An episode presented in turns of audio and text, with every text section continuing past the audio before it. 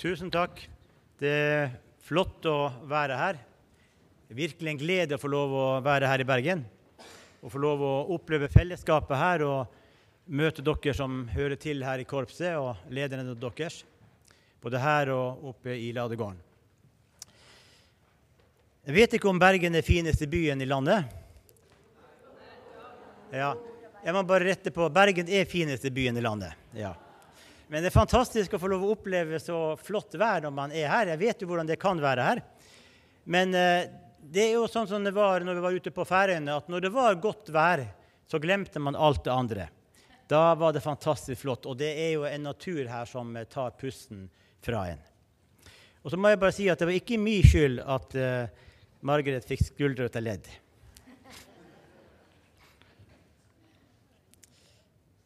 Eh, vi skal be sammen. Kjære himmelske Far, vi takker deg for fellesskapet. Takk for at du er her, Herr Jesus.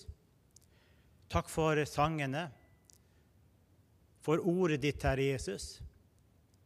For atmosfæren som du er til stede i, Herre Jesus. Musikk og sang og spill, Herre Jesus. Takk, Herre, for at vi kan få lov å glede oss over det. Og at du er her med din velsignelse. Og at du vil møte den enkelte av oss i vårt liv akkurat nå. Uansett hvordan det står til. Herre Far, vi, du hørte hva vi sang nå nettopp, Herre Far. Jeg elsker deg. Ja, kjære Jesus, det er sterke ord. Det er sterke ord å si. Men er det noen som er verdt disse ordene, så er det nettopp du, Jesus. Og Herre, vi sier det, Herre, Herre Far, med, med ydmykhet, men også med den varmeste kjærligheten som vi har. Takk, Jesus, at du elsker oss, først, så at vi kan elske deg tilbake. Nå ber jeg deg, Herre Far, om at du skal velsigne ordet ditt, at det må få lov å gå fra hjerte til hjerte, Herre Jesus, og la det få lov å tale inn i vårt liv. Amen. Og Bibelteksten er fra Johannes kapittel 21 og versene 15-19, og Kristi skal lese dem.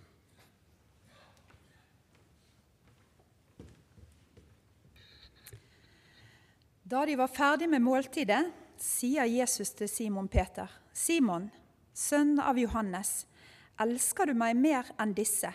Han svarte, Ja, Herre, du vet at jeg har deg kjær. Jesus sier til ham, Fø lammene mine.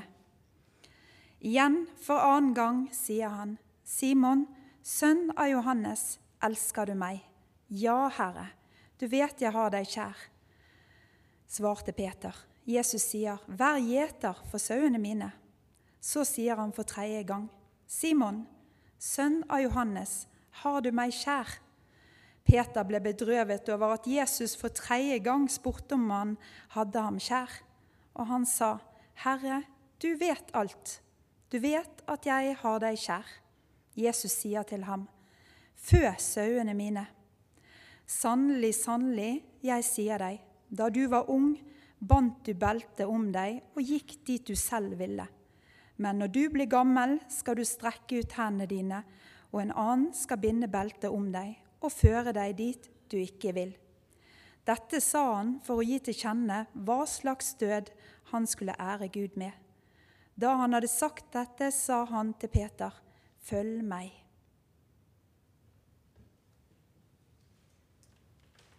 Takk skal du ha. 13. april i 1976 ble jeg frelst, 15 år gammel. Da møtte Jesus meg. Og det skjedde på toget fra gamle Vestbanestasjon i Oslo på vei mot Tønsberg. Der i kupeen skjedde det.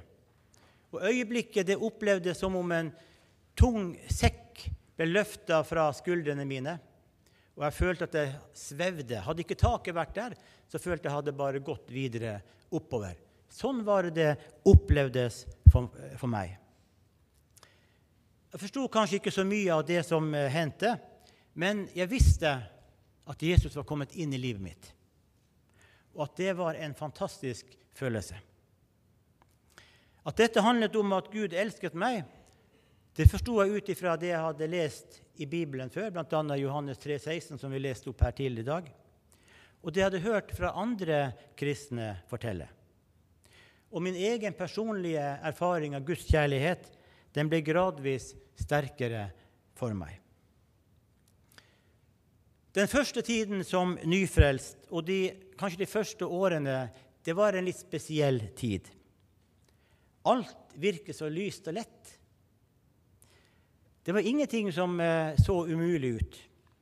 Og Gud kjentes så nær. Og det som jeg leste i Bibelen, og det som jeg hørte på møter, og det som ble sagt, det var som om det var skrevet og sagt direkte til meg. Det var i sannhet en herlig tid.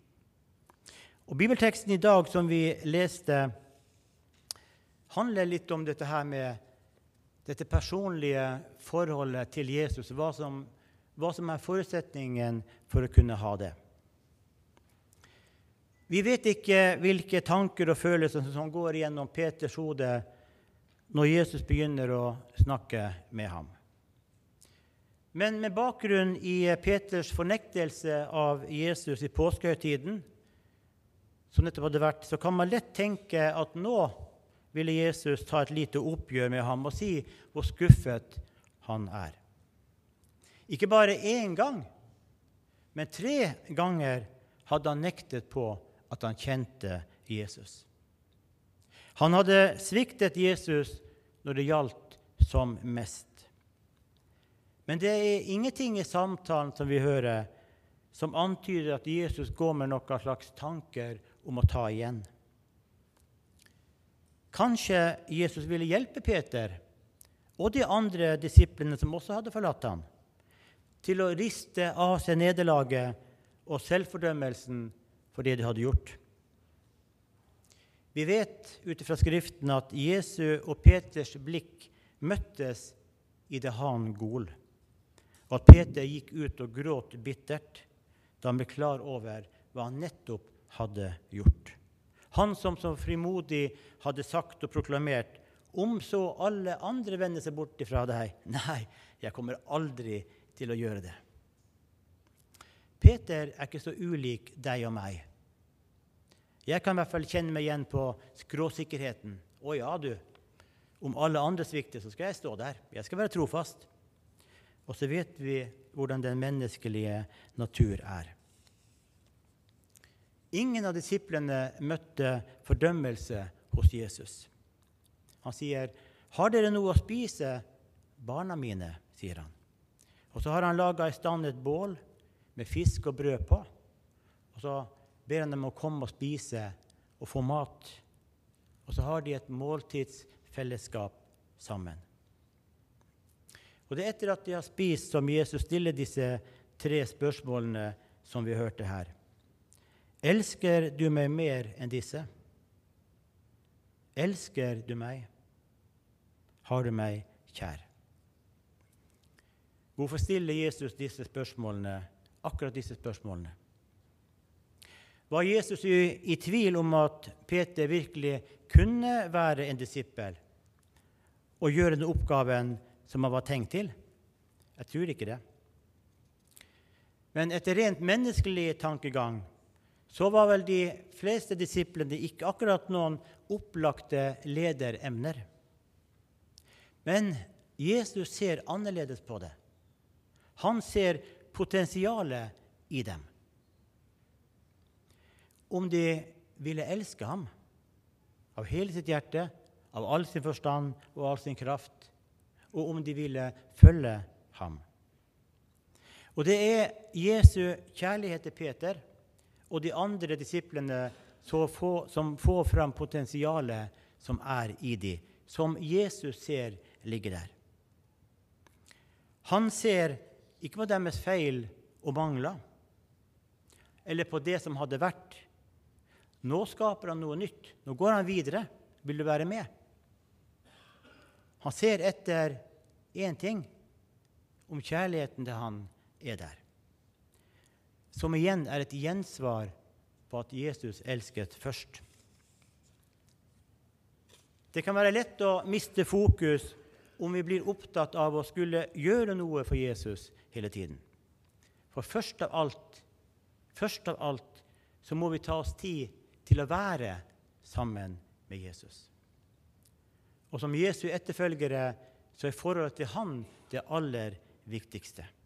Og Jakob sier det sånn at hold dere nær til Gud, så skal Han holde seg nær til dere. Og det er nå engang slik at de vi er mye sammen med, de blir vi også preget av på godt og vondt. Og kan det være en av grunnene til at Jesus stiller Peter spørsmålet Elsker du meg mer enn de andre? Elsker du meg? Har du meg kjær?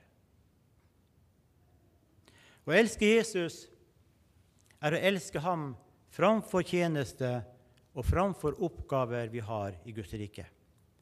Jesus sier i Johannes 14 at dersom dere elsker meg, holder dere mine bud. Den som kjenner mine bud og holder dem, han er det som elsker meg. Og den som elsker meg, skal min far elske.